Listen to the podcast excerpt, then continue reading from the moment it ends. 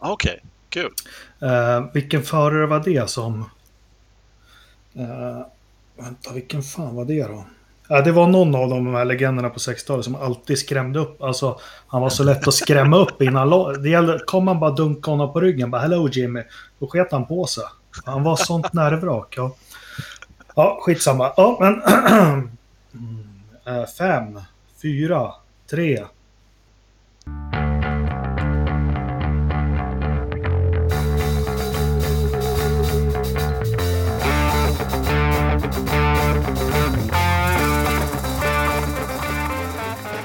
Och hej och välkomna till avsnitt nummer 39 av Forsa-podden. Eh, samma panel som eh, senaste veckorna. Anders och Christian. Hallå Anders, hur mår du? Jo tack, jag mår fint. Eh, riktigt bra för att vara mig och just idag måste jag säga. Det har varit sämre och eh, jag mår i alla fall betydligt bättre än vad Christian gjorde igår när vi egentligen skulle spela in. Ja, Christian, det gick nog rykte om att tävlingsledningen viftade med brun flagga hemma hos dig igår, stämmer det? Nej, det var nog mer att de viftade med en orange flagga. Orange? Eh, ja. Tack för den bilden. hemma hos mig. Det var oljespill lite överallt. Ja. Kan man ju säga. Mm. Men eh, du har tätat ihop nu? Ja, jag bytte o-ring. Ja. Ja, du har bytt o-ring. Vad bra. Ja, ja. Eh, ska vi gå igång idag direkt? Eh, presentera en... Vi har ju lite att prata om idag också. Vi ska ha lite Indycar. Sen har vi två nya programpunkter också. Vi ska göra en liten tillbakablick. Vi har ju faktiskt fått lite önskemål om att vi skulle ha en liten historiehörna. Sen så har vi faktiskt en tävling idag där man kan vinna en helt splitterny Forza Motorsport kondom. Bilder kommer läggas ut på Facebook på den. Ehm, men vi ska prata lite Indy, sen ska vi prata lite eh, Formel 1 då. Vi har ju lopp på gång här. Eh, om någon har koll lite på hur mötet gick i England eh, som var förra veckan. Och sen ja, lite smått och gott. Men vi börjar med Indy på Barber då.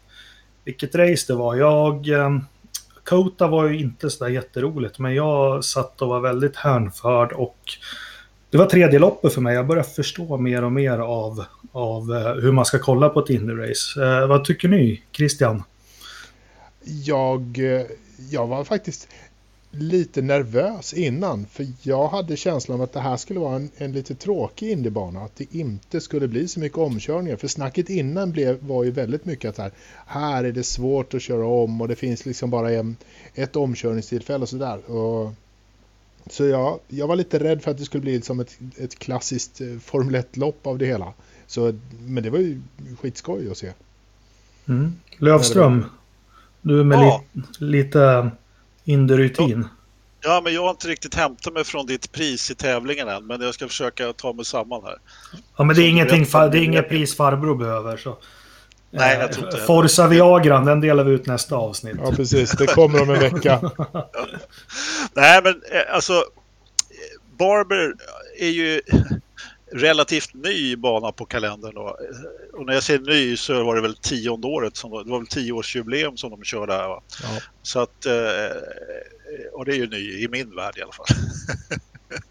Men äh, jag, jag, är he, jag håller helt med dig Jakob att man, nu börjar jag också få lite kläm på det här med Indycar. Det var lite så här taffligt i början och man hade inte riktigt inte full koll på vilka delar man skulle kolla på. Nej, men eh, det, var lite, eh, inte riktigt på samma sätt som i Australien för där ser ju bilarna ändå ganska lika. Där, där lär man sig, där kommer man in i det ganska snabbt. Men, nej, men här nu, nu börjar man få lite koll på fältet och lite vad man, vad man ska titta efter och sådär. Sen att det var en riktigt bra tävling. Sen är ju inte omkörningar i sig det som jag tycker alltid måste finnas med. Men här var det ju verklig racing. Alltså vilken tävling det var. Man kunde, de körde eh, bredvid varann, hjul mot hjul och det är ju det som man vill se och inte deras omkörningar. Nej, jag tycker det var toppen. Och det som var lite talande sådär om jag bara får lägga ut texten lite grann, det var ju då på, på slutet efter sändningen så, eh, eller efter loppet var slut så kom ju då nu ska vi se, vem var det som körde om Ryan Hunter Ray där på slutet? Det var Newgarden var det. Mm. Eh, som lyckades toucha i honom lite grann i vänster där. Och och eh, var direkt fram och, och liksom pratade med, för han tyckte, och han sa även i intervjun efteråt då, att han tyckte att han hade varit lite väl tuff mot honom och eh, touchat i honom. Jag menar, hade det där varit Max Verstappen så hade ju Ryan Hunter Ray varit halvvägs till Georgia. Liksom. Det hade ju inte funnits någon bil kvar på den där utsidan överhuvudtaget. Och det tycker jag är lite talande och väldigt kul att se just att man har en verklig respekt för varandra eh, i omkörningstillfällena. Mm. Men eh, om vi, om vi börjar lite från början då med mina reflektioner och så. Nu vet jag att det kanske är nyhetens behag och gräs är alltid grönare på andra sidan och, och jada jada. Men eh, nummer ett om vi börjar med inför loppet. Då står de och pratar med en förare. Vad heter han norrmannen som har sändningen på Viasat? Eh, han som ja. kör, ja, ja, norrmannen, vi säger så, Kie, vi kallar honom Thomas Kie då. Enda, det är den enda norska, eller Rustad. Eh, skit i samma, men han står i alla fall med Marcus stallkamrat. Det står inte fyra stycken från stallet där med en mikrofon eller en bandspelare eller en iPhone och spelar in vad han säger. Han står där helt öppet och ledigt och, och pratar väl om sina förarkollegor och det är liksom inga hemligheter och det är öppet. Och sen kommer vi lite till träningen. Det var ju kommentarer på att det var lite guppigt på banan men vad fan vill publiken ha den här showen då behöver vi inte asfaltera om. Eh, uh, var det någon förare som sa. Uh, Sen är det en sak, så ta det från början. Kan ni förklara för mig? Jag, jag skäms inte över att fråga, hur går en rullande start till? Jag har inte riktigt förstått det. Christian, är det något du har? Ja, alltså de, de lägger ju sig i, i par, precis som, som vid en vanlig stillastående start. Mm. Men eh, sen kommer de in på start och målrakan och man får inte köra om förrän den gröna flaggan börjar viftas där fram och den viftas ju en bra bit ifrån där de verkligen är. Eh, liksom, och det är den, eh, ja, deras version av Charlie Whiting eh, som, som bestämmer när det är läge att vifta den gröna flaggan och då får man köra om och det var ju det som var det som hände nu senast. Det var någon som trodde att det var läge att, att starta och köra om och då vem var det som eh, det var väl, tjuvstartade väl... ordentligt där? Ja, han väjade, han väjade tror jag för Han var inte riktigt... Det var, det var ju stökigt, men det jag tänkte fråga, bara ta tillbaka till starten. Är, är det fri fart fram till flaggan? Uh, är det den som ligger i pool som bestämmer farten fram till flaggan? Eller? Nej, de har en viss, en viss eh, hastighet där, liksom, men, men det är mm. väl liksom någorlunda uh, styrt. Men så fort de har kört förbi flaggan, då får man köra om? Innan, så fort den gröna flaggan viftas, så den kan ju viftas ah, så, bort. Så fort man ser, okej, okay, att den ja. viftas. Okej, okay, mm. ja. Ja, då är, då är jag med. Då har vi rätt ut det. Sen hade vi ju tjuvstarten där. Jag såg väl Alesi gjorde något liknande i något så här veteranlopp här för ett tag sedan va?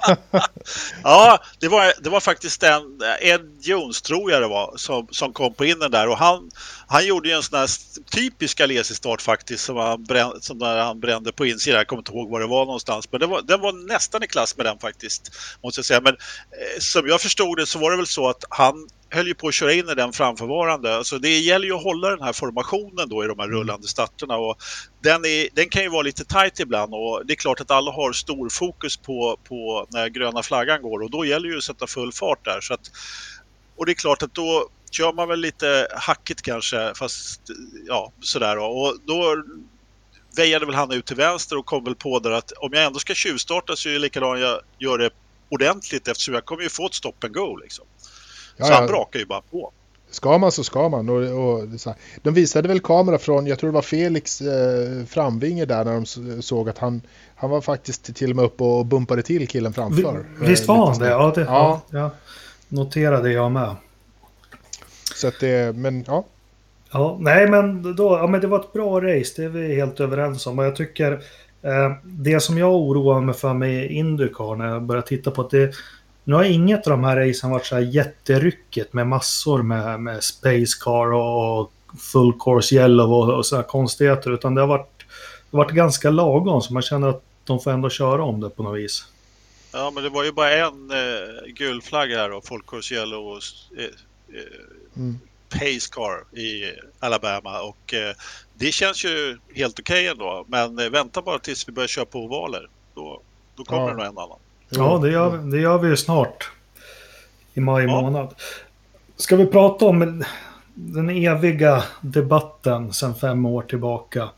Eh, kanske ska vändas lite på den nu. Eh, för det första så måste jag bara poängtera att jag tillhör inte en av dem som bara sitter och kissar ner mig i soffan och är jätteglad att vi har två svenskar med Indycar. Uh, bara att vi har två svenskar på mig, det, alltså med Indycar, det får inte mig att känna någonting. Det var en debatt på en systersida hos oss till det. Uh, men Marcus Eriksson då, uh, var det här någon form av, av revansch? Jag tror det var ganska skönt för honom att, att få ett sånt lopp, äntligen. Han, mm. jag, tror att han, jag tror att han känner det som en revansch faktiskt. För att det, han har nog längtat efter att få visa vad han är för förare och det är nog här han tycker att han borde vara själv.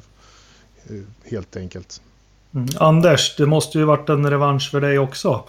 I, ditt, nej, men du har ju varit ganska idog i... Nej, skämt åsido. Eh, vad säger du?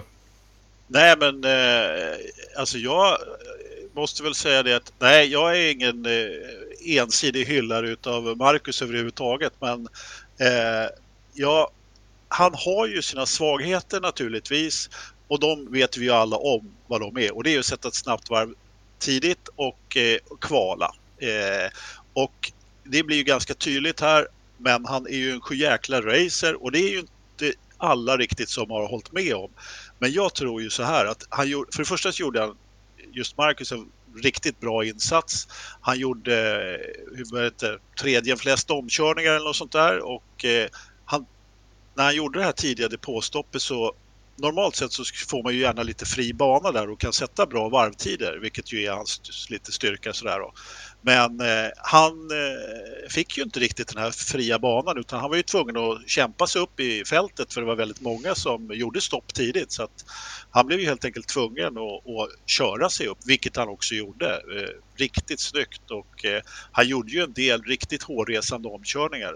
Och jag tror väl lite så här att han, eh, han på den här typen av bana och med den här typen av lopp som det var i söndags kväll så kom hans för, det som är hans styrkor kom väldigt mycket till rätta. Eh, det var hans eh, typ av lopp där han kunde göra skillnad helt enkelt. Han hade fått och det har han ju sagt själv också att han har fått väldigt bra inställning för racebilen men han hittar inte riktigt den här känslan på på de första varvet på mjuka däck. Och har vi hört det förut eller? Ja, Lite. det har vi. Mm. Precis. Jag menar, men det är klart att han måste ju trots allt starta bättre än 20 om man ska ha en, en chatte på pallen. Nu, nu Så är det ju. Skuggar, men han jag... skuggar ju sin eh, stallkamrat i, i mål här nu då, och, och det är klart att eh, han startade ju betydligt högre upp. Då, då. Mm. Men jag, jag tänkte också på att jag reagerar på att han, han verkar ha fått en ganska bra Eh, bra tumme med teamet. Alltså, han har ett bra samarbete med strategerna och sånt där. Liksom när, man fick, när man fick lyssna lite grann på, på vad de pratade och sådär så, så lät det som att de hade ett, ett, väldigt bra samarbete. Jag tror att han gillar det här med spotters och liksom bli coachad eh, ordentligt. Jag tror att det är någonting som han har saknat lite. Den här typen av coaching, det är klart att han coachades i, i Sauber och sånt där också, men, men den här typen av coaching är bra pepp. Ja, men det är liksom. möjligt. Mm. Det är mycket möjligt att det passar, passar hans körstil. Helt klart är ju att bilen passar ju hans körstil och det var någon som sa eh, att han kanske har en fördel av att komma från eh, Formel 1 där det är väldigt korta bromszoner och eh, han liksom har det här i sig att han har, eh, kan göra skillnad då när bromszonen är betydligt längre och han har liksom lärt sig det här varianten med att och, och bromsa bra helt mm. enkelt. Mm, ja, men det såg ut också. Men, nej, men jag, det, det, här var roligt. Sen är jag, jag är ju som jag är, det vet ni. Men fan, fira en sjunde plats. Det, ja, ja. Eh, men det är en helt annan sak. Men det, det syntes ju efteråt. Det var ju en miljon ton som hade lättat från hans axlar ja, intervjun. Jag, tycker, jag tycker det var jättetydligt. Men jag tänkte, Christian, vad skulle han hamna om han kvalar 7-8 då tror du? Sånt här race. Skulle han vunnit då? Nej, men han har nog hamnat trea åtminstone. Liksom. Det, det tycker jag absolut han, han skulle klarat av. Eh, mm. Tvåa, trea. Vinst måste jag inte säga, liksom, men han skulle definitivt varit uppe på pallen då. Mm. Anders, hur ska han få fart på kvalen då? Ja, det kan man ju fråga sig. Jag tror tyvärr att, inte att eh, det är så mycket att göra åt hans kvalfart annat än att han måste maximera det som han kan. Eh, och, och liksom, det man kan göra naturligtvis, men inte på bekostnad av den eh, fart han har i loppen naturligtvis. Men låt säga att han kan gå i, Eh, gå vidare från första kvalomgången åtminstone, vilket han i och för sig var hyfsat nära att göra, men jag menar, nära skjuter ju ingen kvalplats. Liksom. Så att, eh, men de vet ju att de måste jobba med det självklart, att det är det som är problemet, så de vet ju i stallet vad, vad de behöver lägga lite krut på naturligtvis. Och det är ju som Christian säger, jag tror också att han hade kunnat eh, nosa på pallen om han hade startat lite längre upp. Vår kära kollega som inte är med här idag, han trodde ju att han hade kommit på precis samma plats hur högt upp han än hade startat. Det tror inte jag, utan jag tror han hade tagit, eh, jag pratar om Tärnström naturligtvis, men eh, eh, jag tror faktiskt att eh, han hade kunnat eh, placera sig eh, ungefär som du Christian där, helt, helt klart. Sen håller jag med dig Jakob att nej, man ska inte fira en sjunde plats. Men om man har fått en sten i radiatorn i första loppet och om man har blivit utsläppt i depån i andra loppet och man startar på 20 plats och kör upp sig till en sjunde, ja, äh, men då är ju det helt klart en liten seger och det måste man ju vara nöjd med och gå med stärkt självförtroende in. Sen tror jag att eh, det kommer att vara en annan svensk som eh, är bäst i, nu på söndag. Jaha. Vem ska det vara? Lillövis? Mattias Ekström. Mattias Ekström, ja. ja. Ted Björk. Nej, men där, Lill, Lillövis eh, adept kanske. Fel? Ja, ja, men du vilken bra överlämning. För det är nästa punkt här. Felix, vad, vad, vad hände? Vad har hänt? Två lopp på raken. Uh, vi är ju hetsiga vi motorsportsfans. Är han slut nu? Allt han ja. har gjort tidigare glömt. Vad har han gjort Helt tidigare? Slut. Ja, man har vunnit någon Formel E-race och någon Formel 3-race där. Ja, ja, ja leksaksbilar. Ja, men det är ju roligt. Ja. Det... Ja, men skämt åsido, den här strålande starten som han trots allt hade första loppet här. Och, och eh, nu var han ju helt borta i kvalet. Sen, sen är han lite annorlunda än, än Marcus tycker jag. För han stod ju och sa efteråt kvalet, ja men det kändes skitbra i bilen, men det gick inte fort nog. Eh, vad va, va hände? Vet vi något? Ja, han brände däck har jag förstått. De hade väl problem med att de, de brände bakdäck, eh, eh, deras eh, setup. Han var inte ensam om det och, och ha problem med bakdäcken vad jag förstod det som. Nej, det var ju flera. Will Power han snurrar ju till och med där mm. mitt i loppet och så vidare. Så att, eh, nej men han sa ju själv, har ju sagt själv där att eh, han hade ju problem på vissa sätt däck helt enkelt och fick det inte att funka. Och jag vet inte om man ska dra några jätteväxlar av, men, men det här som är Marcus styrka då, att hålla liv i de här däcken, även om man kanske inte har eh, eh, liksom världens bästa. Eh, det är klart att det, det, är små, små grejer hela tiden och har då inte Felix den här toppsetupen så han känner förtroende i bilen, ja men då går det inte riktigt lika fort och då kanske han inte kan hålla liv i däcken utan han sa ju, de höll ju bara i några varv i stort sett så var det ju som att köra på is med bakdäcken. Och, och medan i en annan stint så funkar det alldeles utmärkt med eh, och han kunde hålla riktigt bra fart. Då, för han hade ju under en viss period där i loppet så hade han ju trots allt ganska bra fart. Då. Men kan man, eh. kan, man, eh, kan man säga att Felix körstil gör att han blir känsligare än vad Marcus blir för sådana där små finjusteringar? Kan alltså, man... jag skulle jag skulle nog inte vilja dra det så långt redan, men jag skulle ju säga att de har ju väldigt olika, de, de, de har ju helt klart en olika, olika approach, en olik körstil och Felix han har ju sina styrkor i, i, andra saker egentligen än vad Marcus har. Jag, jag, tror att det helt enkelt var flera sådana små saker som vi såg i söndags eh, naturligtvis. Sen, sen hade ju Felix med, när han haft en riktigt bra dag, då hade ju han kvalat sig vidare och startat betydligt högre upp och då kanske inte hade varit eh, 7 och 10 utan då kanske det hade varit eh, 5 och 7 mm. med Felix först. Så att, mm. eh, för jag menar, han, Felix hade ju, han sa ju också det att eh, han eh, gick ju åt ett annat håll än vad Scott Dixon gjorde med inställningarna på bilen, vilket gjorde att eh, han sa den mer erfarna, där visas ju Dixons erfarenhet och då undrar jag så här, äh, ska man inte liksom gå åt samma håll som Dixon gör? Borde man inte kolla på hans erfarenhet? Jo, och, men, men det med Scott Dixon, jag måste bara säga, det är oroväckande att det skiljer så mycket, men det, det är bara ett lopp nu. Så vi, eller oroväckande, det är absolut inte. Det är uppseendeväckande kanske över ett lopp. Men Scott Dixon, nu när man börjar lära känna föraren lite mer, han är ju en riktig sån här målrotta som Fittipaldi och Lauda och Prost och har liksom, har de en dålig dag så är de på pallen. Ja. Hela tiden, jämt. Ja men precis, han hade en dålig dag och kommer tvåa, då ja. vinner man. Det är ju lite som Lewis liksom. Ja. Mm. Stolpe in. Ja. Och, och, det är ju inte, och, det är inte, och det är ju inte tur direkt. Nej. Nej, ja, nej men det, det blir spännande att följa. Vad, vad, säger vi? Vi har ett race här. Det blir en matig helg för alla oss. Men vi har ju Long Beach här. Är det, är det samma slinga han körde Formel 1 på så på 70-talet? Ja, det är Bra det. fråga. Jag tror det. Är det det? Ja. Jag tror det. Så den här högern som går en nedförsbacke. Den här mm. väldigt kända. Mm. Korks, du vet vilka jag menar? Korkskruven, ja. Ja, ja, men den där är så mycket häftiga bilder från 70-talet. På. Ja, vad, vad, tror vi, vad tror vi där då? Det är väl en Long Beach stadsbana igen, Felix, säger jag då.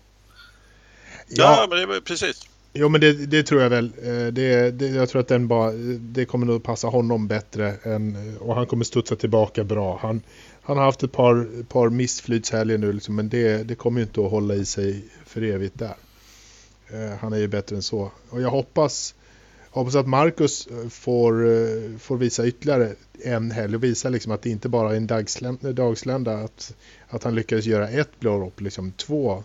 Han behöver ha ett par eh, innanför västen nu ordentligt för att... Ja, och det har väl inte han haft på så länge vi har följt honom. Alltså få komma in en helg, bra självförtroende och göra ett till bra resultat. Nej. Alltså det här byggs på hela tiden. Det är, Uh, ja, men det är som jag alltid återkommer till. Han, han, var ju på gång 2015, började Australien. Sen den här avkörningen i Malaysia som jag aldrig förlåter honom för. Nej. Det är senast han hade läge att liksom mm, få... Precis.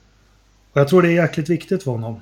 Ja, jag tror att, jag, jag tror att han verkligen behöver eh, två och, och sen möjligtvis då tre stycken bra helger i rad. För det, det har han verkligen inte haft på länge. Så det, det skulle vara grymt.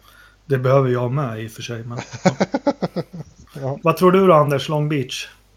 Nej, men eh, som jag sa tidigare, jag tror på helt klart eh, på Felix eh, med, sin, eh, med sin stil och han är ju erkänt snabb på den typen av banor. Eh, så att, eh, jag tror helt klart att han kommer att vara vass där och jag ser fram emot att han ska studsa upp rejält i resultatlistan. Sen, vore, sen håller jag med er om att det vore ju kul om Marcus kunde följa upp det här bra resultatet med ytterligare ett bra resultat. Sen är det ju så här att det är lite som bollen är rund, det finns inga, det, det finns inga lätta matcher. Jag menar, en stadsbana är ju en stadsbana då, för att dra parallellen. Och där kan ju precis allting hända. Det är ju väldigt tätt och eh, lätt till av. Jag försökte hitta en banskiss här så jag skulle kunna tala om för dig, Jakob, om det är exakt samma sträckning som tidigare. Men jag tror faktiskt att det är det. Men eh, jag är mm. faktiskt inte riktigt hundra på det. Du brukar ju alltid ställa sådana här frågor som vi inte har fått förbereda oss på. Så att det, ja, förlåt. Det... Du ska inte skena mig. Jag, jag trodde vi hade någon slags äh, järnbank eller ja, ja kunskapsbankar. Ja. Kunskapsbank. Nej, ja. den kunskaps, kunsk, kunskapsbanken, den brukar du stå för. Så att, eh, fråga ja. oss här som bara sitter och lallar med, det går ju inte. Ja, vi får väl se till att skramla här någon fundraising så att Ternström får en bra advokat. För han kan i alla fall in det lite. Uh, så han kan få med och snacka med oss. Ja, han, men... har ju till, han har ju faktiskt varit på, i Long Beach på, och sett Indycar. Så att, uh, det vore väl fasiken om man inte... Han får, han får helt enkelt, vi får helt enkelt ta och eh, testa om han kan få frigång igen så han kan vara med och mm. prata om Long Beach här på, på måndag eller tisdag. Då. Får smuggla ut honom helt enkelt. Ja, han är väl... Ja. Ja, nej men vad bra. Det blir som sagt det blir en riktigt matig helg. Är det någon som har koll på när det startar eh, Long Beach? Anders, du sitter ju och slår där. Nej, det har jag inte. Men det var 22 någonting där någonstans. Jag har faktiskt inte koll på det riktigt. Det är fantastisk tid också, håller ni inte med? Alltså ja, 21-22 där. Ja, visst. Ja, men det är väl ungefär samma tid som det var nu i, i helgen. Eh, mm. på, på alla, ja, men det startar 22.15. Det här Precis. är ju några tidszoner till bort då, då. Så jag hoppas att de startar, kör lite tidigare. Eh, jag då som är trött eh, småbarnsfar tycker naturligtvis att det här är lite för sent då. För, så jag måste vara, försöka hålla mig vaken. Det var inga problem att hålla sig vaken i söndags faktiskt. Jag var till och med så klarvaken och lite upp i varv efter det här loppet så jag satt och lyssnade på intervjuerna efteråt. Och jag vill bara återknyta till det här som du pratade om Jakob där att eh, det står inte massa mediepersoner. Det, de står inte i den här jäkla fårfållan mm. där som de trycker in Formel 1-förarna i liksom, så får de gå runt. Utan nej, efter loppet så går de fram till Sebastian Bourdais som sitter med sina två barn på en mm. betongklump liksom och intervjuar honom. Hur bra som helst och strosar runt. Äh, alltså, jag säger inte att det är bättre men det är, det är väldigt avslappnat och på ett bra sätt liksom att man får en, en, en helt annan känsla för, för, för där. Nej, jag, jag, jag har fått lite Indyfeber igen, helt klart. Mm. Var lite tveksam där eh, inledningsvis men eh, nej, nu är jag hooked igen. Christian, vad tycker du om den här? Vi, vi pratade om det i någon avsnitt sen. Vad behöver Formel 1 ha från Indy? Den här lite mer avslappnade attityden? Är det något vi ska försöka få in? Ja, men det är ju det. Liksom, det gör ju att det blir det här chosefria. Eh, mm. liksom, så inte så konstlade. Det, det, är så, det ska vara så otroligt märkligt att, att vara Lewis Hamilton. Han måste vara en superstar och måste vara liksom skyddad av 15 bodyguards och som du sa, massa iPhones och, och skit i näsan när han ska prata och säga något och så ska det analyseras. Alltså, Nej, det är ju mycket trevligare att se Sebastian Bourdais med, med två ungar som håller på och, och kramar om honom samtidigt. Eh, där. Det, är ju, det är ju en helt annan, tre, mycket trevligare känsla. Mer sånt. Ja, en, en, sista fråga innan vi stänger Indy-fönstret för det här avsnittet. Då. Förutom Kimmy, vilken, förutom Kimmy och Ricciardo, vem från Formel 1 skulle passa jättebra i, i Indycar? Till sättet och som förare? Kviat. Oj. Kviat? Ja, jag, jag, tror att han som förare skulle funka rätt bra. För han är liksom lite torpeden fortfarande och liksom skulle kunna köra en, en Indybil ganska, ganska framgångsrikt skulle jag säga. Han skulle nog kunna våga och trycka till på en oval också redan första gången. Ja, jo, Kviat. Och framförallt en, eh, en ryss i eh, USA där. Det, mm. Mm. Bara ja, det vore ju rätt kul faktiskt. Men vem säger du då, Anders? Jag sitter och funderar för glatta livet och ser... Claire Williams? Nej, eh, hon skulle nog inte klara sig så länge. Jag sitter och funderar lite på om kanske... Jag skulle faktiskt säga Verstappen. Jag tror mm. Max skulle klara sig riktigt bra där. Mm. Antingen så skulle han eh, klara sig riktigt, riktigt bra eller så skulle han eh, bli bortkörd efter två lopp. Liksom. Skulle han sätta honom på Jag skulle vilja se honom i Indycar faktiskt. Jag, tror jag han... skulle vilja se någon sån här gammal. Vad hette han? Petty? Nej, det var ju Nascar. Vad hette de här tuffingarna? Uh, vadå, tänker du på? Ja, de här riktigt tuffingarna på 70 ja. 80-talet amerikaner som sätter han i muren liksom. ja, du, du, tänker på, bara därför så tappar jag namnet. Han som all, körde AJ hela sin... Foyt. AJ Foyt. Ja, ja. AJ Foyt. ja, det är ju in the race. Nej, men han mm. Nascar-föraren där som, eh, som eh, Alltså, han körde hela sin karriär i cowboyboots. Dale Earnhardt eller? Nej, inte Dale Earnhardt Nej. utan den du var inne på. Ja, ja. ja. Ja, men bra. Du, men då är vi nöjda med att stänga in du för det här avsnittet. Måste vi verkligen det? Det var ju så roligt i söndags. ja, men vi ska inte ha... Nej, men vi har lite annat. vi har okay. faktiskt... Det ramlar in lite dels på Forza-sidan och ibland får vi lite privata... Nej. Nähä. Ja, förlåt. Nej, jag, jag, bara kom på en sak. Vi hade ju faktiskt en tittarfråga där. Det var kanske den du skulle dra nu. Mm. Ja, förlåt. Mm. Fortsätt. Svart, svart, svarta och röda däck, ja. förlåt, Jakob. Så var det. Eh, kan vi, Christian, kan du berätta lite mer om svarta och röda däck? Svarta, det är inte så svårt med, med svarta och röda däck. Eh, de, de, de, svarta däcken är väl som, som medium på, på en, en Formel 1-bil. Och de röda är de, de mjuka varianten. Eh, så det är ju egentligen inte svårare än, än så. Och hur många set har man för en helg då? Ja, det vet jag fan. Jag vet att rookiesarna har ett set till i alla fall. De är ett extra set. Den, den själva specifika frågan tror jag helt enkelt var varför man inte gick ut på röda däck omgående i kvalen mm. för, för att liksom göra snabba varv. Varför man överhuvudtaget var ute på svarta. Uh, och som, som jag förstår det så är det liksom det är helt enkelt så att man har inte tillräckligt många set röda däck för att eh, köra bara kvalen. Det är lite som i Formel 1 där att kan man sätta en bra tid på, på de svarta däcken så gör man det och, och klarar av att gå vidare till. Och som jag, jag tror att det skiljer någonstans på en halv sekund lite beroende på banan naturligtvis på, på, på de här däck, däcken. Då, och, och eh, eh, så det är helt enkelt, det finns inget eh, annat svar än att det är på strategimässigt där man har sett att det är, det är bäst sätt att göra så. Sen de två tidigare loppen så har det blivit rödflagg då mitt, rätt in i, i första kvalomgången vilket har gjort att vissa inte har hunnit satt sitt andra försök. Då. Så blev det ju inte på Barber utan där fick man ju kvala eh, där blev det ju ingen rödflagg i kvalet så att då kunde ju alla köra hela kval 1. Sen är det ju också som så att eh, man får ju inte riktigt eh, själv välja hur många svarta respektive röda däck man, man får utan du är ju tilldelad det. det. Mm. Det är Indycar centralt som säger att ja, men du får för, för Barbara här så hade du 7 primary, får 4 alternate. Alltså, du hade sju svarta och eh, fyra röda. Och sen mm. hade då rookien ett, eh, ett extra eh, set här. Så att du, du fick ju liksom använda det du fick tilldelat liksom och sen hade du inte fler. Det var därför, som, som Anders säger, man, man vill ju sätta på det svarta först. Och det var ju det Felix åkte dit på också. Han satt ju ett, körde ju ett, vad var det, ett, ett, eh, en körning och, på de svarta och det räckte inte. Nej. Visst är det häftigt med Firestone? Ja, visst är det lite skönt. Ja. När vann Firestone sitt senaste lopp på VM med Formel 1 då, Anders? Ja, det måste ju varit 1832. Nej, Eller men, GP. 2006. 72, nej, 72 med Fittipaldi, Lotus. Jaha. Ja, Körde på Firestone. Var det, var det två däcksorter då också eller var det bara ett däck? I... de körde väl på samma sätt två lopp på raken där ibland. Så. Eller hur? Ja. Nej, men eh, det förtäljer jag inte. Det ska jag ta reda på.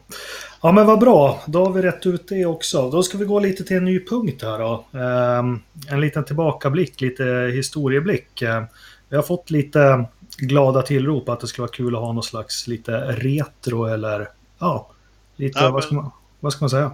Ja, men det blir väl alldeles utmärkt. Ja, men vi har ju några väldigt trevliga lyssnare som hör av sig lite grann och som vill höra dig prata utan att, att vi avbryter, vilket jag tycker är det är ju liksom själva grejen att vi ska avbryta dig. Nej, nej inte så. Men eh, eh, han ville höra dig prata och förslaget på, på programpunkten var ju att det skulle vara Engelmarks kvarting, men du hade hittat på något annat namn. Ja, men du, det kan vi väl börja säga, Engelmarks kvarting då.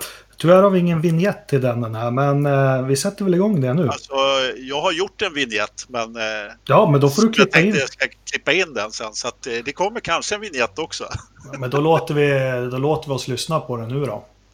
Okej? Okay?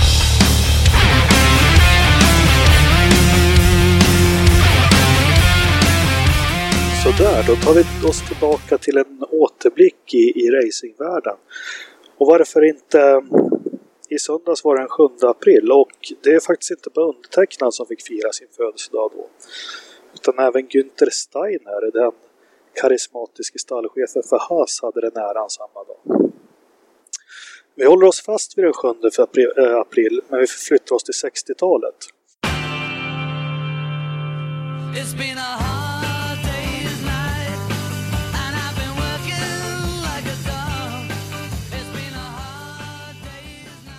Årtiondet där det mesta tog fart. Brittiska musikscenen. Frigörelse. Och framförallt brittisk racing. Racingen i Storbritannien har haft några tuffa år under 50-talet. Men under 60-talet formligen det upp nya brittiska konstruktörer överallt och hela tiden. Just den 7 april som vi startar med 1968, alltså för 51 år sedan, så chockades racingvärlden av ett besked att Jim Clark hade omkommit under ett regnigt Formel 2-lopp på Hockenheim. Vem var då Jim Clark? Ja, idag omnämns han ofta som en av de största förarna genom alla tider. Med sina 25 Grand Prix-vinster på 72 starter i en era där bilarna inte alls hade den tillförlitlighet som dagens bilar så räknas han som de största talangerna av förarna någonsin. Jim Clark, eller Jimmy som han kallats, föddes som det sista barnet och enda pojken i en stor syskonskara i Skottland 1936. Tanken var att Clark skulle växa upp och ta över familjens jordbruk. Men till sina föräldrars förtret så, lyckades han in i, så lockades han in i racingvärlden och 1956 gjorde han sin racingdebut i en DKV med ungefär 40 hästkrafter. Trots de knappa fartresurserna så fick Jimmy mer smak och 1958 tävlade han i en Lotus Elite och kom tvåa i ett lopp på Brands Hatch. Vem som vann kan man fråga sig. Jo, det var Colin Chapman som vann. Och i och med detta lopp så blev Colin så pass imponerad att han bestämde sig för att Jimmy var rätt man att köra för Lotus i framtiden. Deras samarbete startade med att Jimmy fick köra en klass som kallas Formula Junior. Clark vann det första loppet och efter det fanns det egentligen inget stopp. Några månader efteråt så debuterade han i Formel 1. Med starten av hans Formel 1-karriär gjorde honom mest känd för att vara involverad i den krasch på Monza 1961 där Wolfgang von Trips och Jim Clark krockade ihop i inbromsningen till Parabolica vilket slutade med att von Trips och 15 åskådare fick sätta livet till. 1962 tog det fart på riktigt och säsongerna fram till 1968 kan inte beskrivas som annat än ett stort segertåg för den utanför bilen nagelbitande nervösa och ambivalenta skotten. Förutom två stycken VM-titlar och statistik som tydligt visar att om Jim Clark går i mål så vinner han, så körde även Clark allting som gick att köra i. Det är svårt för oss som följer motorsport och Formel 1 idag att begripa att till exempel Lewis Hamilton eller Max Verstappen mellan två stycken Grand Prix skulle passa på att köra ett standardvagnslopp i en klubbtävling utanför Liverpool. Eller ett Formula 2-lopp då Mercedes och Red Bull även tävlar i den serien. Eller varför inte att efter när Formel 1-säsongen är slut i november så åker man över till Australien och kör den tasmaniska Formula-serien som ägde rum under vinteruppehållet under 60 och 70-talet. Och vill man inte göra allt det här annat då kan man ju om, om kalendern har lite luft i sig kan man ju ställa upp i RAC-rallyt och, och, vinna det också. Precis det gjorde Jim Clark. Jim Clark var en av de snabbaste någonsin, är många överens om. Men allra mest var han ju en multitalang. Han kunde köra precis vad som helst och han kunde köra det fort också. Nästan mest legendariskt är han, sitt sätt, är han över sitt sätt att köra en Lotus Cortina, en standardvagnsbil på 60-talet. Och det var även en bil han älskade högt. Eh, jag tycker alla kan gå in på Youtube och googla lite Jim Clark Lotus Cortina så får ni se vad han höll på med. Han beskrevs av andra och journalister och förarkollegor att han hade en otrolig känsla med bilen. Man kunde själv inte förstå varför han var så snabb, vilket tyder på att han hade en naturbegåvning utöver det vanliga. Fortfarande idag så står sig några av Clarks segrar som enastående. Jag har tagit ut en som jag tänker på. Det är 1963 års Grand Prix i Belgien på den gamla spabanan. I ett fruktansvärt väder så satt han av i jordens fart och han avslutade loppet med, som segrare fem varv före Bruce McLaren. För att återknyta till datumet, racingvärlden skakades hårt den 7 april 1968 då Clark i ett regnigt Formel 2-lopp på Hockenheim som han egentligen inte skulle ställa upp i så visade det sig först att han var i usel form, vilket han aldrig brukar vara, för att sedan oförklarligt i en svag kurva krascha ut i skogen och omedelbart omkomma.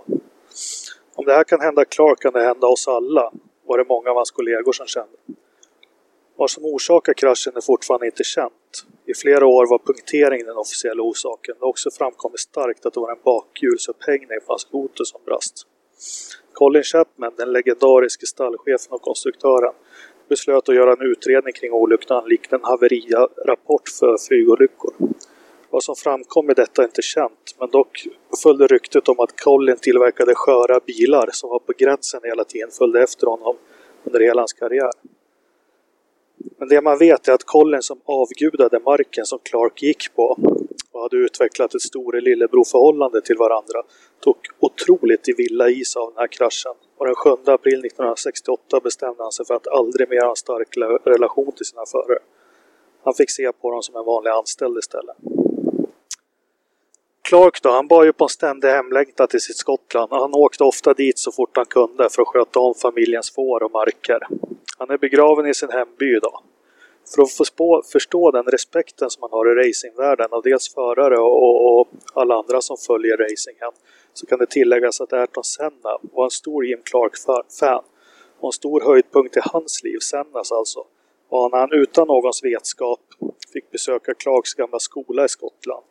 Gå runt där och titta på den, gamla minnen och priser och ett litet museum de hade om Jim Clark för att sen ställa upp och vara i aulan och svara på frågor från elever som gick på skolan då. Jag tycker att vi passar på att minnas Jim Clark idag lite extra. Och för de som är mer intresserade så finns det mer information på nätet. Tack för lyssningen.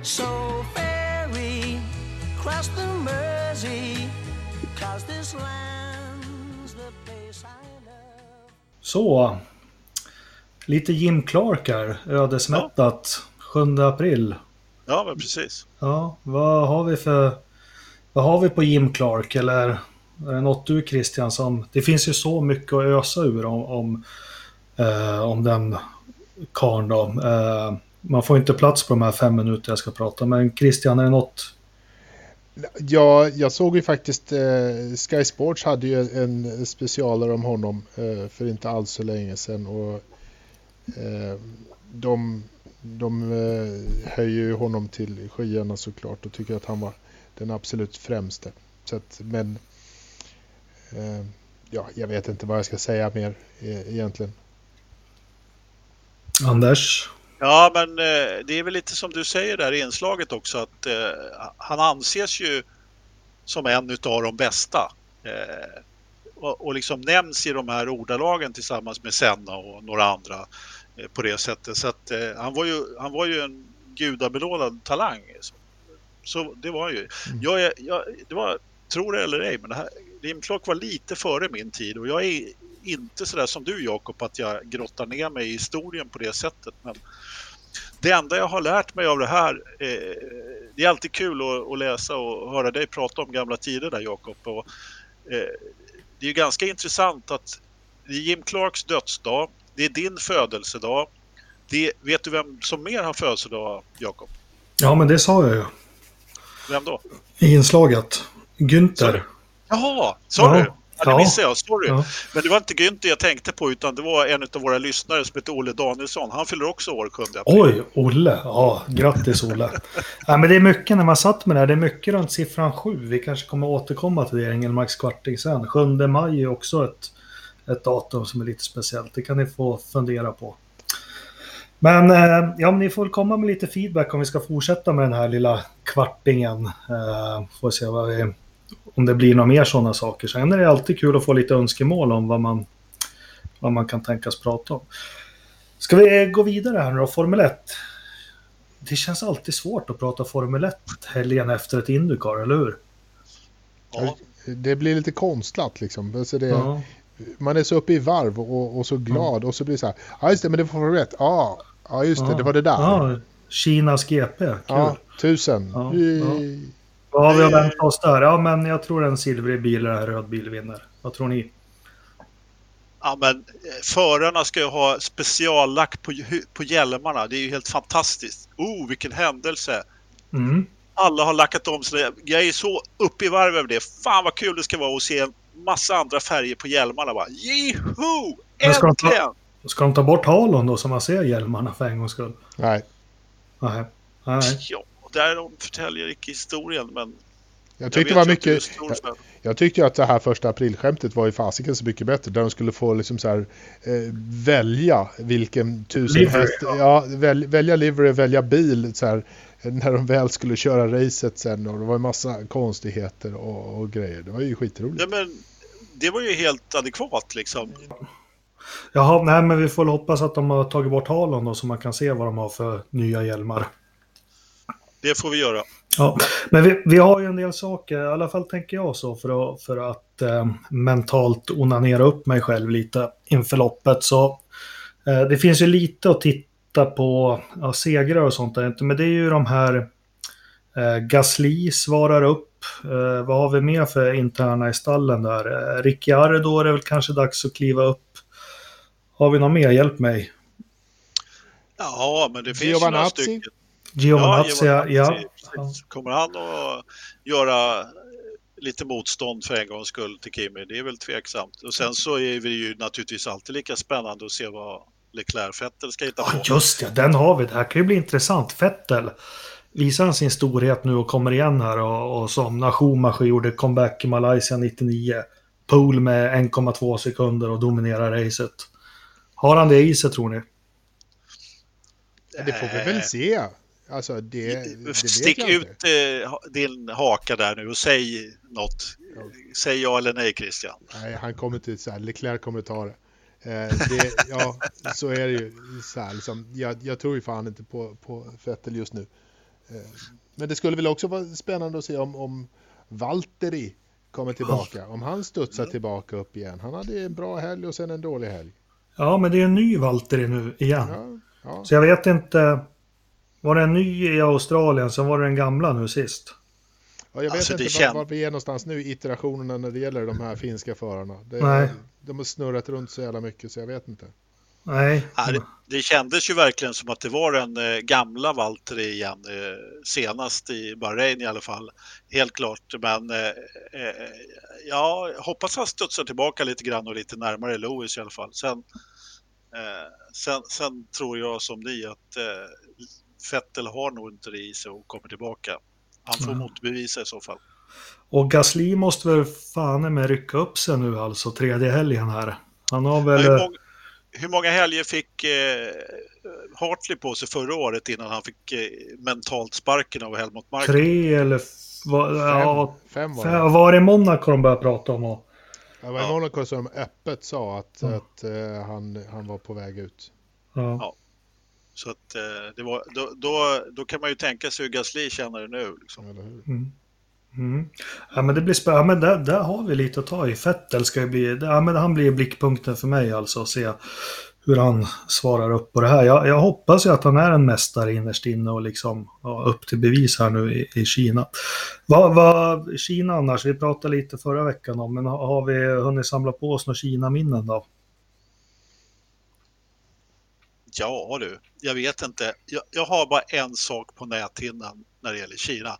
Nu är inte jag någon nostalgiker som du som kan sitta och spela upp lopp i huvudet i, i timtal liksom och komma ihåg allting vad, vad de gör. Men, men en sak har fastnat på näthinnan och det är Lewis Hamilton när han kör ut i ut i grusfållan när han ska gå depå 2007. Liksom. Den sitter på näthinnan bara. Jag vet inte varför det är så. Men... Ja, men det som sätter, sitter mest från den uh, situationen det är ju hur Ron Dennis verkligen öppet visar hur mycket han avskyr Alonso.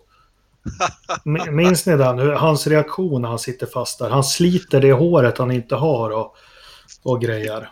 Det kanske säger mer om, eh, om dig Jakob än om oss. Vi, vi andra reagerade inte riktigt på, på det sättet. Men, eh, men eh, jag, jag, det var ju också det senaste ordentliga misstaget som Lewis har gjort, känns det som. Han har gjort några efter också, men det, var, det är en sån här grej som, som han har ju verkligen, han har ju verkligen bara radat upp eh, bra lopp efter det i stort sett. Han har, han har varit stabil efter, riktigt stabil sen, sen efter 2007, det är ju fan helt galet. Nej, ja, han men... hade, ni, ni minns inte. Nu har ni kort minne. Ja, men alltså 2007, det var ett misstag. 2008 gjorde han några. 2009 gjorde han ett på Monza. 10 var han rätt stabil förutom när han körde på Button i Kanada. Sen har vi det svarta året för Lewis. 2011, minns ni inte det? När han lopp på lopp på lopp var ihop med Massa. Jo då, det kommer jag ihåg. Absolut. Han var helt ur balans det året. Och det... Och jag säger så här, att det, det, allt det skyller jag på eh, Felipe ingenting på Lewis. För Felipe han var helt jäkla hopplös ärligt talat. Jag är ingen stor Lewis-fan, men det där får Felipe ta på sig 95 procent utav. Fast han var, var helt hopplös. Ja, men jag var inte det samma säger... år som, som Lewis blev av med flickvännen? Eller, ja, ja pappan att... slutade som manager och jo, jo. han tittade sig, spe... tittade sig i spegeln och insåg Nej. att han var ful. Och... Ja. ja. men vad fan. Det, det där var i alla fall för min del så var det så här med Lewis att efter det i Kina så kändes det som att han blev bättre och bättre. Jag säger inte att han inte gjort misstag efter det, det, det, det vet ju alla. De har ju du precis räknat upp allihopa. Men stadigt så blev han bättre och efter 2011 där så kan du räkna upp eh, hur många misstag han gjort efter det, Jakob? Ja, fast något som är eh, så här, att tänka på lite som är fascinerande. Vi, vi är alla överens om att han är jätteduktig och en av de största genom tiderna kan man säga nu. Men alltså Button, tre säsonger körde de i samma stall. Han fick stryk. Mm. Om du lägger ihop de här tre säsongerna. Eh, det tycker jag för Button är väl lite underskattad va?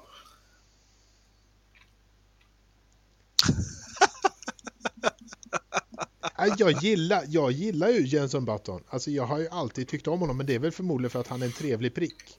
Mm. Eh, ganska mycket. Um, Ja, så, han är ju sympatisk. Men... Han hade lite problem att välja stall från början där. Mm. Skulle det vara Bar eller skulle det vara eh, Williams? Eller vad skulle han köra egentligen? Han hade ju lite problem med kontrakten där. Men jo. jag håller med dig. Han är, han är ju en genomhygglig prick liksom. Och jag kommer ju ihåg ja. när han började också. Han var ju liksom en av de yngre förarna när han kom ja. och allt det där. Så att han, han var ju ett litet underbarn som egentligen inte riktigt fick fart eh, ur startblocken kan man väl säga. Liksom. Att... Ja, men det var ju första chocken Christian som du säger, en 19-åring. Williams ja. tog in en ja. 19-åring. Man höll ju på att trilla av stolen. Sen, jag minns det som det vore igår, första... gick ju inget bra träning och kvalificering i, i Melbourne. Han grät, jag minns det så väl. Var jättechockad, jag tror han kvalade in 20 eller någonting. Men sen så ryckte han upp sig och körde bra alltså i loppen. Sen gick han ju till Renault och Flavio Briatore var väl inte så där jätteimpad av en ung britt som gillade att kröka och inte prestera. Sen hade han väl inte så mycket annat att gå till än en eh, bar 2003. Och då spöade han ju faktiskt Villeneuve. Det var ju han som sköt Villeneuve vid sank. Sen skrev han ju faktiskt på för Williams 2005. Minns ni det? Och det varit ett stort kontraktsbråk där, men han blev ju kvar i bar som sen blev Honda. Och sen så var det ju bedrövliga bilar 0708. Mm. Ingen styrning när Honda drar sig ur och så vänder allting. Så sammanfattar jag Batton. Ja, men det var ju det jag försökte relatera eller säga där lite grann, att han hade lite problem med kontrakten där. Det kanske mm. inte var precis i inledningen, men vad skulle jag säga? Eh, alltså, Flavio, han har ju skjutit rätt många förares karriärer i sank, har han inte det? Men mm. Batton lyckades ju klara sig ur där helskinnad i alla fall, men eh, Flavio, han är ju inte så imponerad av speciellt många han. Ja, han fimpar ju Piqué början ju med att fimpa. Det var ju... Sen fimpade han ju Brundle och tog in Patrese ja. som ingen fattar. Men då fimpade han ju Patrese sen. Sen tog han ju Letto. Mm. Som han också fimpade. Så tog han in Herbert som han fimpar rejält. Och Alessia och Berger var han väl inte alls något glad på. Så han har väl bara gillat Alonso och Schumacher. Det är väl de enda han... Ja, mm. jag skulle säga ja. Det är, det är en rätt bra sammanfattning faktiskt. Och Carolina Gynning. Ja. Ja, men vi behöver Flavio tillbaka i depån, eller? Eller någon yngre det. förmåga kanske. Han ja. börjar ju bli mm. lite otrevligt gammal nu. Liksom. Mm. Men du, på tal, om, på tal om ingenting. Jag lyssnade på en, jag kommer inte ihåg vad den hette. Heter den The Apex eller någon podd? Är det något ni känner till? Uh, ja. De intervjuade han som tog över Lotus 2014-15. Han hoppade in i slutet av 2013. Har ni hört det avsnittet? Nej. Nej. Superintressant, men ska jag försöka göra en lång historia kort. Man pratar om det här med kundmotorer och, och hej och hå, att de ska vara lika förutsättningar. Men han hävdar han sa att eh, Lotusstallet hade Renault-motorer i det nya reglementet 2014 och det gick åt helvete. Sen fick de Merca-motorn 2015. Och den var så överlägsen fortfarande då. Och de fick ju en pallplats på spa, men han sa helt rakt ut, ja men den pallplatsen det fick vi för att just den helgen då fick vi skruva upp motorn. För att Mercedes ville inte att Vettel skulle vinna eller komma på pallen. Den är intressant. Det är, ganska intressant information, mm. det håller jag med om. Väldigt han sa det är ingen hemlighet heller, så. Och, och, det är också så här att eh, det, det alltså i lite i backspegeln då med allting som har hänt med, med alla möjliga motorer fram och tillbaka så, så det sätter ju lite relation då till kundmotorerna i dagsläget också. Mm. Och hur mycket man egentligen kan göra med motorerna och, mm. och, när de väl är villiga och kundstallen vad de kan göra och Ja, det är oerhört intressant faktiskt. För det jag skulle svänga in där lite snyggt på som var inne på Williams, vad hände där? För det har vi, vi har en liten punkt sen eh, med Williams. Men jo, han hävdade i alla fall att Williams, de hade ju ett bra år 2014 och 2015, det minns vi, de kom väl trea. Helt och hållet att de hade Merca-motorn hävdar den här gamla Lotus-chefen jag inte kan namnet på. Utan den var så överlägsen de två första säsongerna, Mercedes-motorn. Så det är liksom ja, Williams de sminkade över ett dåligt chassi och dåligt aero redan då med en bra motor. Och resultatet är att de andra tillverkarna kommer ikapp motormässigt. Det ser man i Williams nu. Det var lite hans tes. Den tyckte jag var intressant. Ja, verkligen. Men eh, de klarar, den är tydligen inte så bra så de kan sminka över vad som helst. Eftersom det går så pass långsamt nu då. Ja, nej, men Patrick Head kommer tillbaka. Christian, kommer han styra upp där? Ja, men det är väl klart han, jag vet inte, han kommer gå runt som en, som en gammal eh, farbror på verkstadsgolvet och eh, de unga ingenjörerna kommer titta på honom och bli helt eh, begeistrade och starstruck och sådär. Och sen eh, så kanske, alltså att gå därifrån till helt plötsligt börja bygga en bra bil, det vet inte fan. Men eh, någonting bättre kommer det ju bli med honom där. Lite bättre kommer det bli.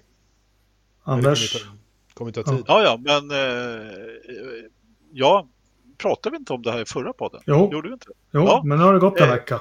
Ah, du tänkte så? Om vi har någon ny take där på, Ja, på han- Patrick Head? Om man Nej, men jag tänkte, har han fått fram några? någon ny differential eller en bakvinge Ja. eller något?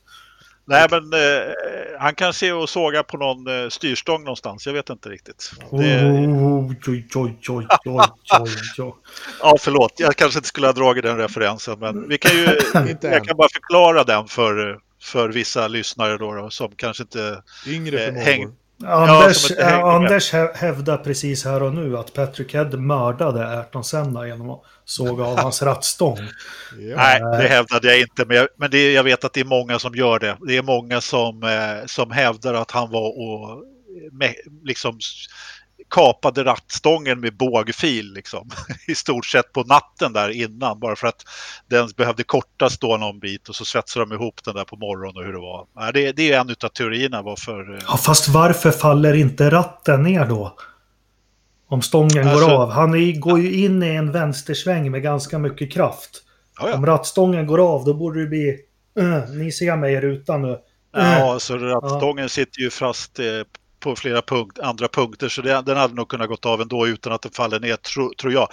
Med min lekmanliga blick sådär. Men eh, jag lägger ingen värde i den. Det var, det var bara, jag vet inte, när vi pratar Patrick Head så är det liksom, ja, det, är det som kommer fram Ja. på min näthinna. sådär. Eh, Han, han, vi får hoppas att han eh, kan eh, få lite sprutt på Williams för att det är bara tragiskt att se så långt bak de är.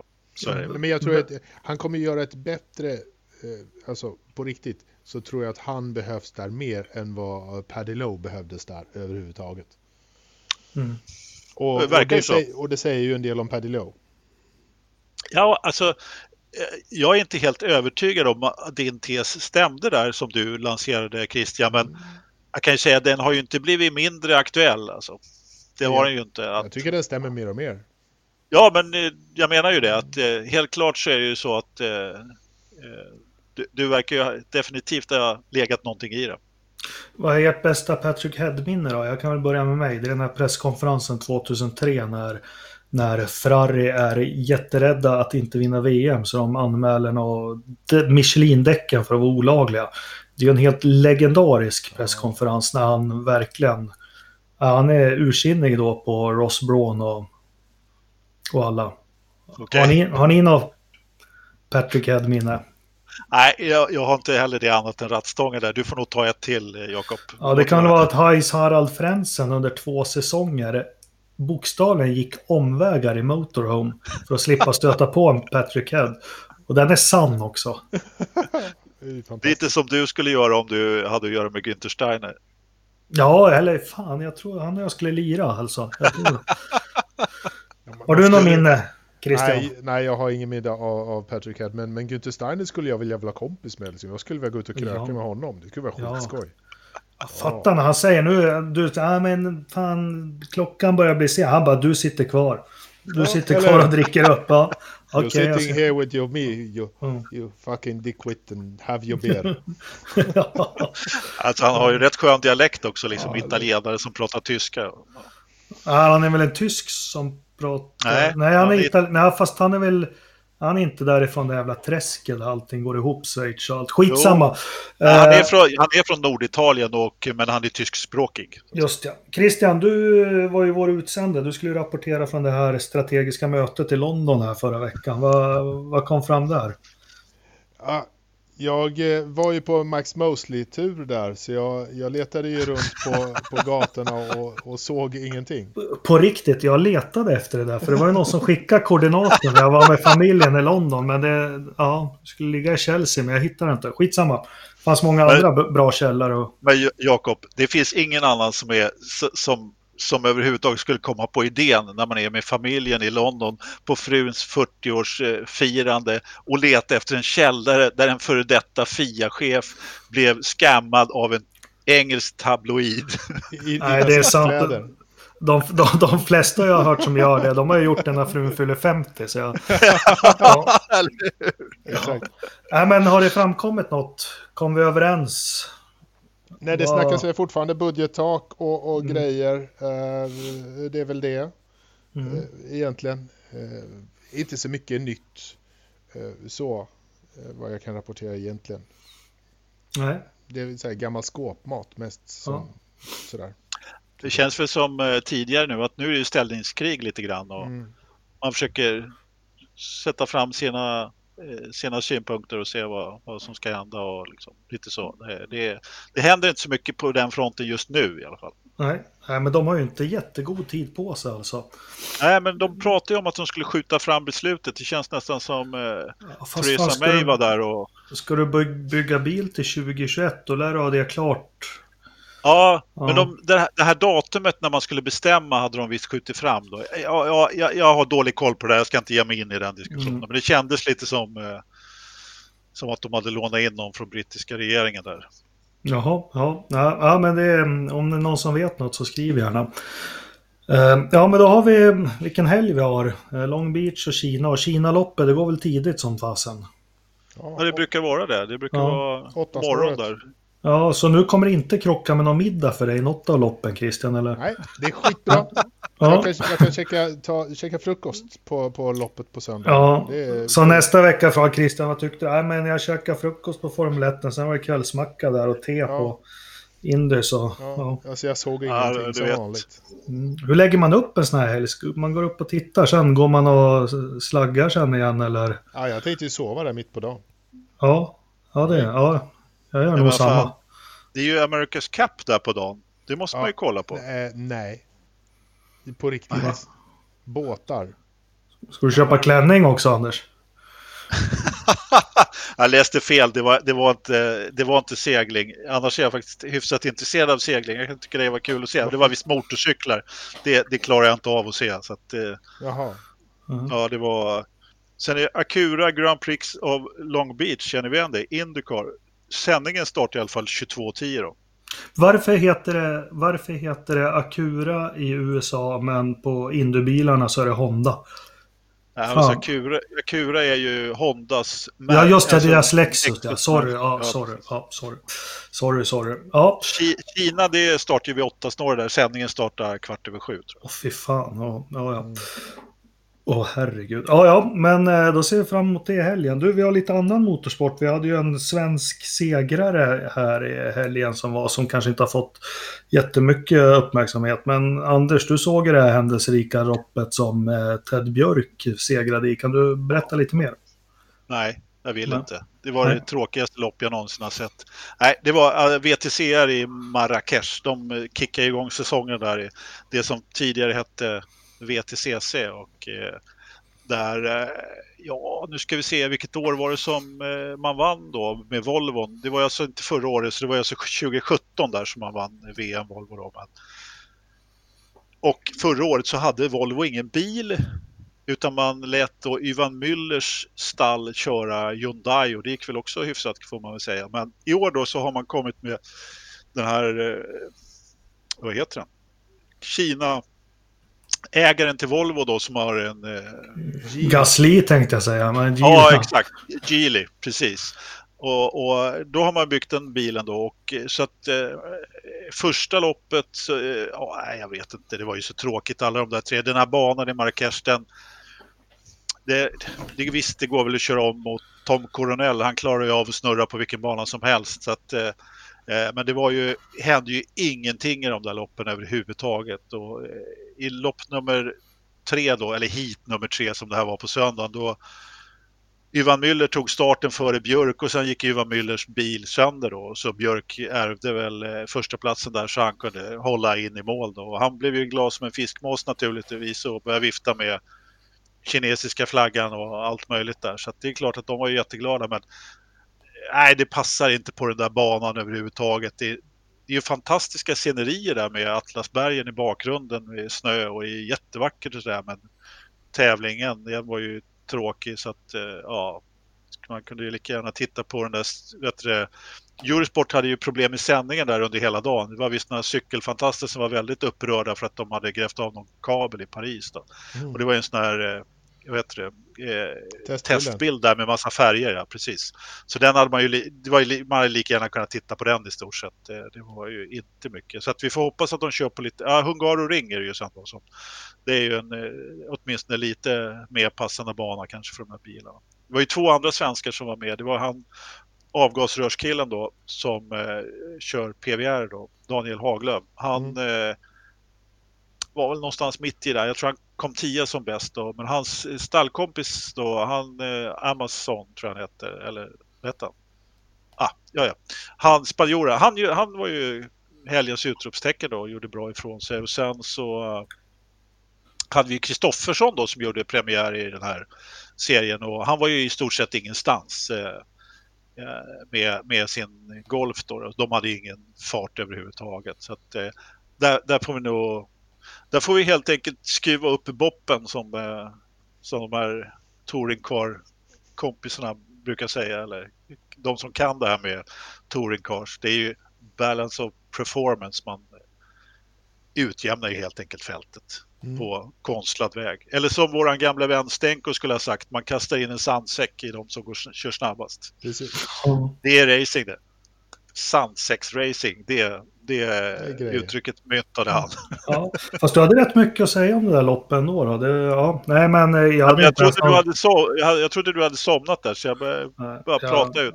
Jag tycker alltså standardized, ja det är väl V8 Thundercars, det gillar jag. Uh, det är väl enda standardvagnsrace. Nej, men jag tycker om det här de kör i Australien faktiskt. Det är riktigt häftigt. Supercars. Nej, men de är, det är ju, de är kul att se. Jag, det är inte så ofta jag ser dem nu för tiden, men det, jag håller med dig. Där, eh, men det har ju Ternström också pratat om. Alltså de, de har ju verkligen det konceptet som de har med... Alltså, de har gjort allting för publiken lite grann. Det är lite Indycar, de är ju lite amerikaner där också. Sen så har de ju helt fantastiska banor där med eh, Bathurst och de här. Ja, det är sen, kul. Sen har de något i Australien, jag har sett de kör bland annat på Adelaide med såna här stora Bigfoots och så har de hopp mitt i banan. Ja, hur? Det ser far. Ja, det är ja, det ser, ja. Apropå att ta någonting till Formel 1 liksom. ja, precis. Gud vad jag saknar Adelaide. Ja, ja, det gör jag med Adelaide Hornålen på Magnicor saknar jag ännu mer. Men, Jaha, det, ja. men du Christian, du har inte du, vilken bana saknar du mest? Vilken bana jag saknar? Ja, precis. Anderstorp, för det var ju nästan där jag föddes. Uh, faktiskt. Nej, nej, det vet jag inte. Men Adelaide är väl ett jättebra val uh, faktiskt. Den, det var ju en av de, de tidiga banorna som, uh, som fanns när jag började titta liksom, uh, för länge, länge sedan. Ja. Hur gammal är du egentligen? Ja, Hur länge har du tittat på Formel 1? Jag vet inte. Alldeles för länge tror jag. Ja, men just det här det kan ju vara lite intressant med tusen lopp där. Förlåt att jag avbryter Jakob eller tar över lite grann. Men, eh, eh, vad är ditt, så här, när började du kolla på Formel 1? Så där? Vad är första säsongen? Kommer du ihåg? Ja, men det sa jag i första avsnittet. Nej, men eh, första, första med Formel 1, det var 1983. Eh, min pappa tog med mig till BMW-handlaren i Köping. Pappa hade köpt en BMW 1982 så han var lite frän då. Så vi åkte till BMW-handlaren i Köping och där stod Nelson Piquets Brabham BMW.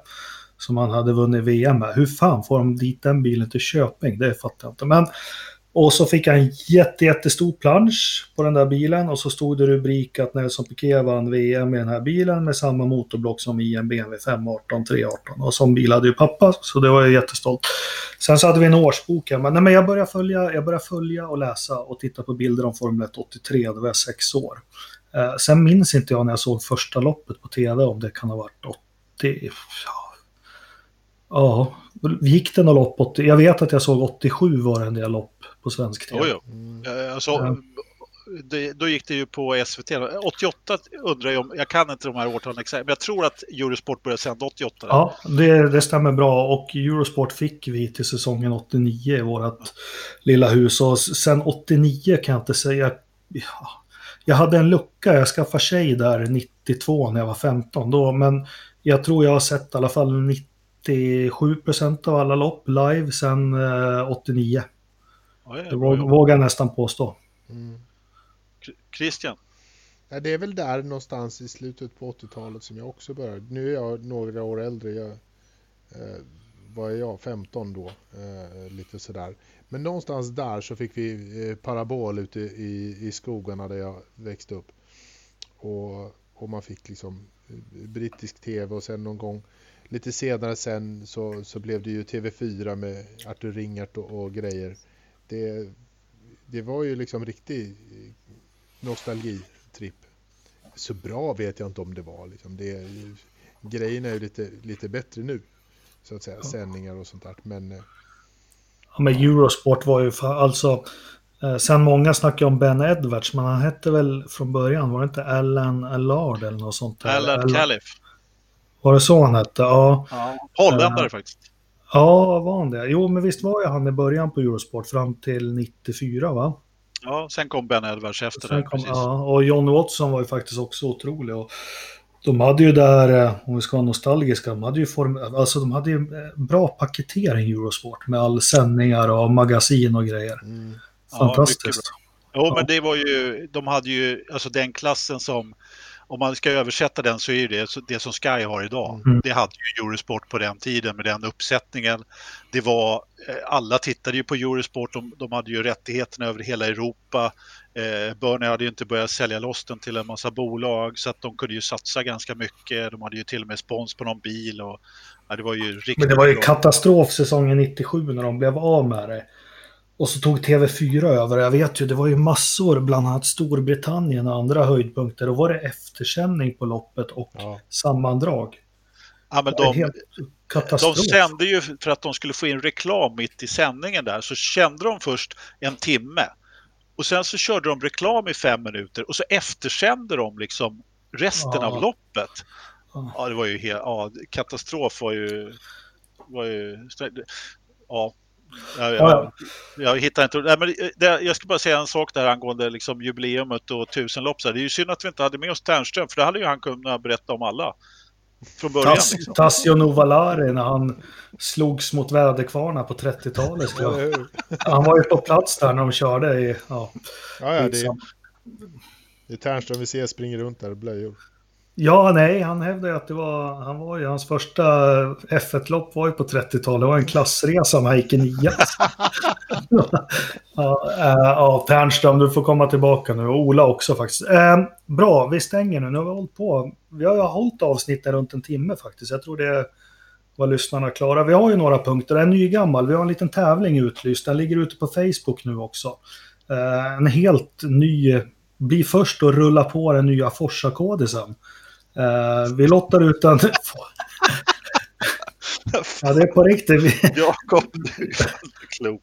Nej, men vi lottar faktiskt ut en Forsa Motorsport-kondom, helt ny från fabrik. Uh, om ni kan svara på den här frågan, vi har ju pratat om Jim Clark, 25 segrar. Det var ett rekord som stod sig väldigt länge. Det stod sig till 1973 när Jackie Stewart tog sin 26 och 27 seger. Jackie Stewarts rekord, det stod sig en herrans massa år. Man trodde att det här med att vinna 27 lopp, det var oslagbart. Men sen var det faktiskt en som slog det rekordet och vann sin 28 seger. Och då är frågan, vem var det? Enkelt, men vem kom femma i det loppet som Jackie Stewarts segerrekord slogs i? Och vilket lopp var det? Uh, svara på det i kommentarsfältet så blir ni först i Sverige med en Forsa-kodis vi tar ansvar. Eller hur? Ja, så kan man väl. Ja, så kan man säga. Det är väl inte många som önskar att vi som är i den här gruppen ska sprida oss vidare. det skulle vara det då i så fall. Men så, jag tror att eh, vi har ju redan lyckats med det, några stycken mm. av oss. Har ni någon lite hum om vem det kan vara som kom femma? Har ni någon idé? Säg den inte i så fall, utan säg bara ja eller nej. Eh, ja. Jag, på, jag svarar Niklas-Erik gitarr alltså. Ja, bra. Gitarr? Ja, det var någon som skulle bokstavera på jobbet och inte riktigt hade alfabetet på rätt ställe. Märks att du jobbar på ett finskt företag. Ja, ja, ja, men ska vi gå i mål här då? Veckans Verstappen gruppen. Uh, har ni någon eller ska jag börja? Varsågod. Ja, jag har. Uh, har du, vill du börja Anders? Jag kan börja. Ja. Uh, jag hade den här även, jag fick faktiskt uh, samma kille som Thomas Skalberg som, som gärna vill se Engelmarks kvarting, eller se och se, höra Engelmarks kvarting. Han tyckte ju att veckans Verstappen var solklar och det höll jag med helt om för att det här, det här det finns ingen annan, liksom inte någon mer solklar veckans Verstappen liksom. Såg ni på, nu ska vi se, på racedagen där, så var det en kille som körde sopmaskin på Barber Motorsport Park. Ja, ja, ja. ja, ja. ja. Om, om, man liksom har, om, om, man välter med sopmaskiner, liksom, man, man, är så taggad på att man ska sopa banan, liksom. man har en sopmaskin. Jag vet inte hur fort en sån här sopmaskin kan gå. Men han, han välte verkligen med sopmaskinen. Han, ska, han, han trodde verkligen att han var racerförare som skulle sopa banan så jäkla fort som möjligt och lyckades mm. volta med den. Alltså, men vad gör man inte för lite tv-tid? Ja, men precis. Även så bättre förstappen än så finns ju inte, tycker jag. Det, det, ja, ja Christian. Jag är ju mera, mera på, eh, vad, vad heter han, Will Power som snurrade och höll på liksom och lite sådär. Inte kunde ta vara på, på däcken, men det var ju, låter ju helt jävla bisarrt menlöst i, i jämförelse med, med en sopmaskin som, som snurrar av banan. Men ni som följer Will Power, jag måste bara... Lillövi sa ju det när han var med i sändning, att han har mycket brain fade. Vad fan betyder det? Ja, men att han pallar i, han är snabb i kval och så, men han pallar inte att sätta ihop det under ett lopp. Nej, han är, det är väl konditionen som gör det också, liksom att han mm. inte... Att han inte, som den mentala styrkan, det som Marcus har jobbat jättehårt med, liksom att kunna hålla mm. koncentrationen uppe. Eh, mm. Eh, och då får han ju så, jobba. Takuma, Takuma, Takuma. Ja, han är underbar. Han är ju så skön när han vinner någonting. Vi har inte ens pratat om Takuma. Nej. Och, och jag menar, jag kommer att tänka på det nu när du sa så här brain fade, att uh, han höll ju verkligen på att tappa alltihopa där. Mm. Alltså på slutet när han kör av, höll på att köra av. Mm. Alltså jag studsade ju till i sängen där, låg och kollade. Jag höll ju på att somna som vanligt. Så ja, men det, det som känns, mest mysko med honom det är att det är en japan som snackar hyfsad engelska. Det är liksom det är han, det är honom världsunik.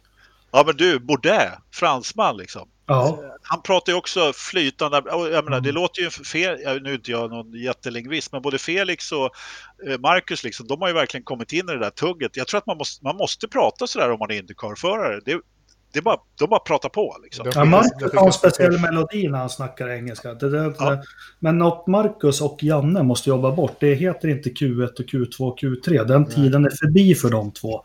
Utan vi kör Indycar nu. Uh, Grövelsjön. Grövelsjön, ja. Det är där också. Vi, vi satt och tittade lite på kartorna här förut. Uh, garaget och då kom vi fram till att det är en jävla ordning på Pastis. Han skott skottar och håller snyggt. Men var det någon som sa nej, det där är ju elslingor. Uh, han har. Uh, ja, snödjup är 70 cm. Vi har en prognos som är sol. Den här HPA eh, är stigande. Uh, det, har alltså snö, det har alltså snöat sen sist? Stoppet ja? Ja, ja, ja. Det, var, det var ju under 70 snödjupet. Ja, det snöade grymt i norra Dalarna i helgen. Vet du vad? Det snöar här hemma nu i detta nu. Alltså, och då pratar ja, ja. vi i Tjockhult, södra delarna liksom. Och du ser. Det är inget uh, vidare snötäcke dock, men ja, ursäkta. Ja, det har inte regnat något. Uh, han har börjat få upp fukten inne här. 26 procent ligger den på. Den brukar ligga runt 22-23 vill jag minnas. Frugan som har gått förbi. Ja, det tror jag också. Eller så sitter han och kollar på sin schyssta S40. Ja. Du, eh, Jakob, vet du ja. vad? Har, har, du sett att han har bloggat idag, Pastis? Idag? Nej. Jo. Mm. Kallt. Vinterkläderna satt inte i vägen, står det som rubrik.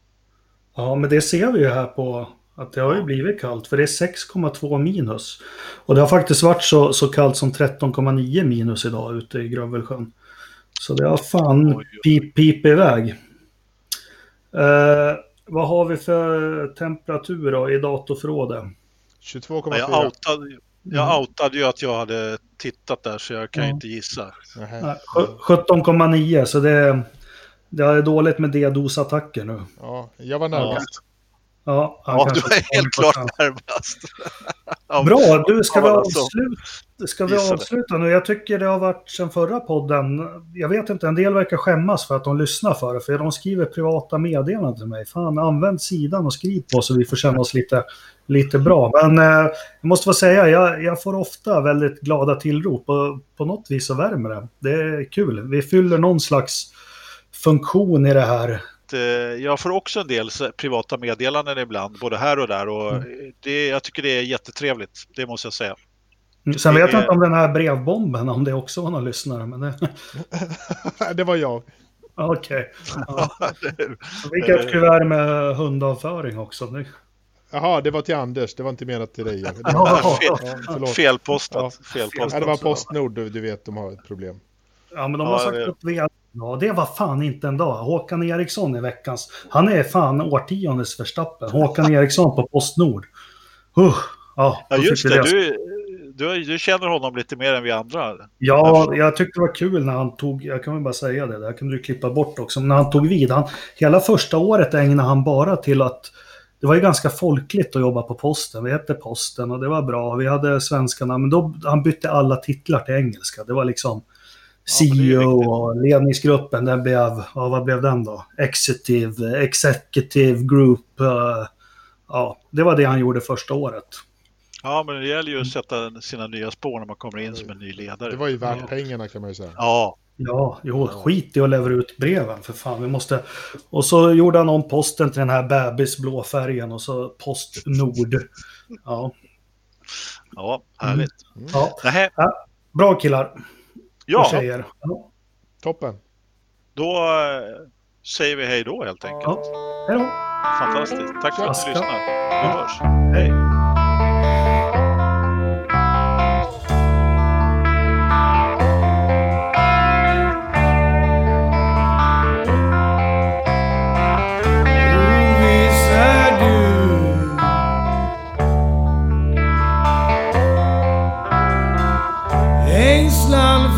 förtvivlad.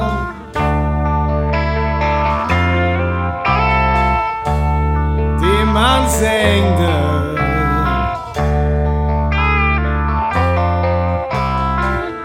Den sista vilan